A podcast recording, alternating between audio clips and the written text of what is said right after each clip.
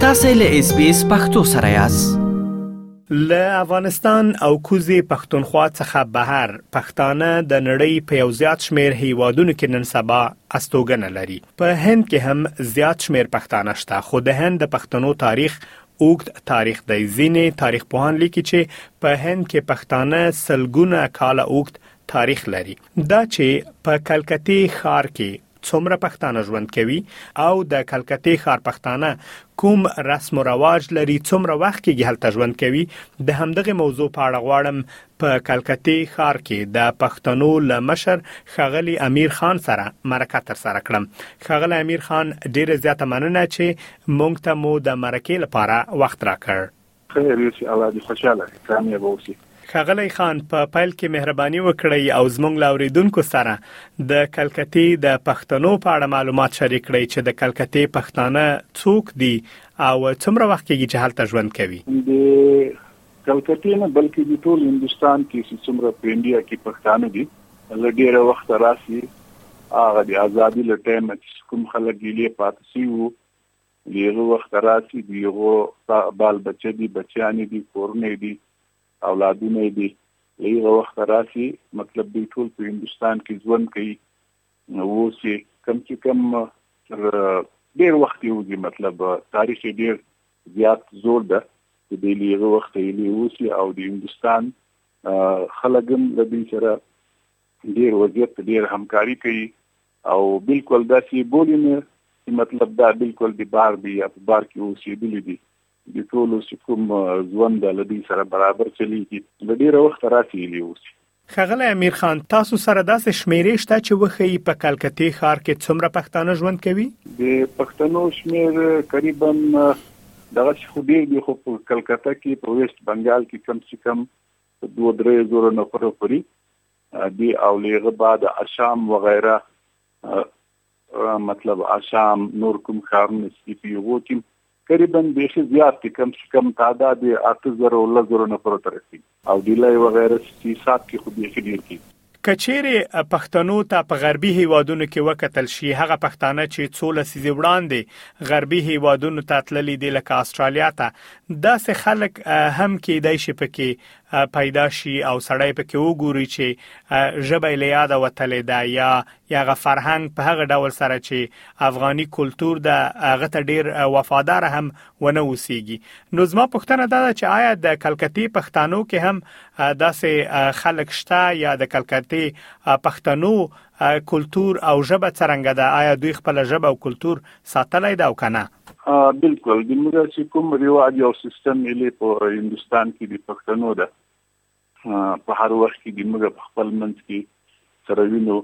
دا کنکلی کوم ځنکان چې یې پیدا شوی دی یا کوم نوی ځنکان چې دی هغه را سره بیا یو لځانو سره ګرځو د پښتنو چې کومه ملمستیا یا کومه کېنستا یې پیغه کې بلکل دی موږ هغه سیم هغه رواج د لکه اسو ورتی په مخ کې وروره ګولا د خلکو رواج یا وس افغانستان کې رواج ده یا د پښتنو کوم رواج ده هغه رواج موږ نه د پریکې پیغه سیستم باندې موږ وسم چلیږو او خپل اولادو ته خپل زمنو ته یو دوه نه دی حساب چې مطلب یو پر کمپیوټر د موږ سیستم نه د ذکرای باقي ټول ان شاء الله په دغه سیستم باندې پوه دي پیغه رقم رواج سیستم روان کولای شې چې په کلکتې ښار کې د ماشومانو او ځوانانو د تعلیم په اړه هم راته وای چې آیا هغه پښتانه چې هلته ژوند کوي دوی هم کولای شي د هندیانو په څیر هلته سبق ووایي هلته تعلیم وکړي او له تعلیم وروسته کار هم پیدا کړي د تعلیم په حساب کې بالکل لکه څور چې د هندستان چې کوم د انډیا چې کوم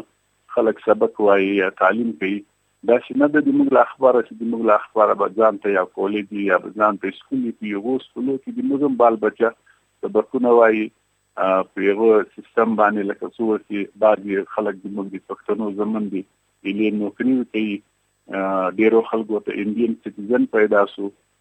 دغه د ایلیس پیدا سي کوم ځکان چې دی هغه خپل انډین سټیزن لري دی غل حساب ایلې نوکري کولای شي تعلیم هم کولای شي سیستم هم بدل نه ده بس سیم دغه کغله امیر خان کولای شي چې د کلکتې پښتنو د پیدایښت ځای په اړه هم راته وایي چې آیا د کلکتې ښار ټول پښتانه داسې خلک دي چې په خپل کلکتې کې یا هم په هند کې پیدا شوي دي او کدا سه کسان هم د دوی په ډله کې شته چې په اصل کې په افغانستان یا هم بلوچستان یا کوزه پښتونخوا کې پیدا شوي او بیا یې کډه کړې ده هند ته او کلکتې ته. بلکل د ډیرو پښتنو چې دا مطلب هغه په مخ کې د مطلب خان عبدالغفار خان دی په ټایم کې چې کوم خلک راغلي وو د یوو خلکو بال بچه چې دی د یوو پیدایښت هیلې سوی ده او بعضې خلک په یو وخت کې هیلې هندوستان پسې راغلي دي هغه فلال ماجر دی هیلې الې اوسې په هندوستان کې نو د ډیرو خلکو جنم الې په هندوستان کې سوی دا او د ډیرو ډیرو په افغانستان کې سوی دا خو الې راغلي د ماجر یعنی داسې پښتانه هم هلته اوس شته چې ډیر کلونه کېږي لسیزې کېږي په په کلکلتې کې یا په ټول هند کې ژوند کوي خو په اصل کې هغه د هند تابعیت تر اوسه پورې نه تر لاسه کړی نه ډیرو نه مطلب کم چې کم د ما خیال سره کوم چې الې افغاني پښتانه چې کوم راغلي دي هغه د ماجر په حساب باندې اوسي صحیح ده او یو بال بچی چې کوم یې پیدا شوی دی هغه به دغه پر ته انډین سټیزن چې پورته پیدا شوی دا هغه انډین دی ټول یې بس دې زنده کې اسناد لري او کوم چې په پانی راغلي دي یو د پښتونستان په نام باندې دلته مهاجر دي له هغه وخته راشي اوس د پښتنو په نامه اوس چې تاسو د هند اوسیدونکي یاست تاسو په افغانستان کې یا هم په کوزه پښتونخوا کې کوم پښتانه چې خیبر پښتونخوا کې ژوند کوي یا بلوچستان کې یا هم په افغانستان کې اغل ته هم تاسو خپل خپلوان لري اړیکې غو سره هم تاسو شته او کنه بالکل لټولو سره سره لیغو خلکو سره د موږ بالکل اړیکې شته دغه چې د مخ خپلوان دي د موږ رشتہ داران دي چې هغه په یغه ملک کې دي او دا دلته اوسي هغه حالت اوسي نو یغو سره د موږ ټلیفونونه د موږ غیدا هغه په چکر باندې راتلای شي د لمک سره ویني بیرته دي بالکل یغو سره ماړی شته خغل امیر خان د افغانستان یو شمیر پښتانه کله ناکله هند ته هم سفر کوي او په ځانګړي توګه کلکته ته هم ځي نو تاسو چې هلته د کلکته پښتانه یاست هلته ژوند کوي کله چې تاسو د افغانستان پښتانه ګورئ نو تاسو څه احساس کوئ؟ بالکل موږ ډیر خوشاله کیږو له یو خلکو سره چې موږ کوم ملاقات وسی یا پیراسی یا غیدا ورسره کوو نو کله یریږي خپل ملک او خپل ځای د یو انسان نه یریږي تر هر وخت په جوړ کی بلکل دی موږ خو ډیر زبردست سره خپل ملکونه دی ټول دا خو دا چې کېدای نه سي چې چیرې پښتون اوسي او دیغه خپل ملک نه یادېږي دا خو ډیره مشکله خبره ده که هر څومره به خوشاله ژوند وکړي بیرته ما د خپل ملک او د خپل رشتہ دار د خپل دوست او قریب فکر خامخا او سره یې چنته او سره یې محبت او سره یې هغه خو نه نشي کېدلی موږ بالکل یو خلکو له ټولو سره محبت لرو او زیات به خوشاله کیږو چې دې غږاړو د هند د کلکتې ښار د پښتنو مشر خغلی امیر خان له تاسو نه ډیره زیاته مننه چې اس پی اس پښتو رادیو ته مو د مرکې لپاره وخت راکړ الله دې خوشاله کړه کامیاب اوسې اس پی اس پښتو په فیسبوک کې تا کې پلی مطلب یو فاک کړئ نظر ور کړئ او له نورو سره شریک کړئ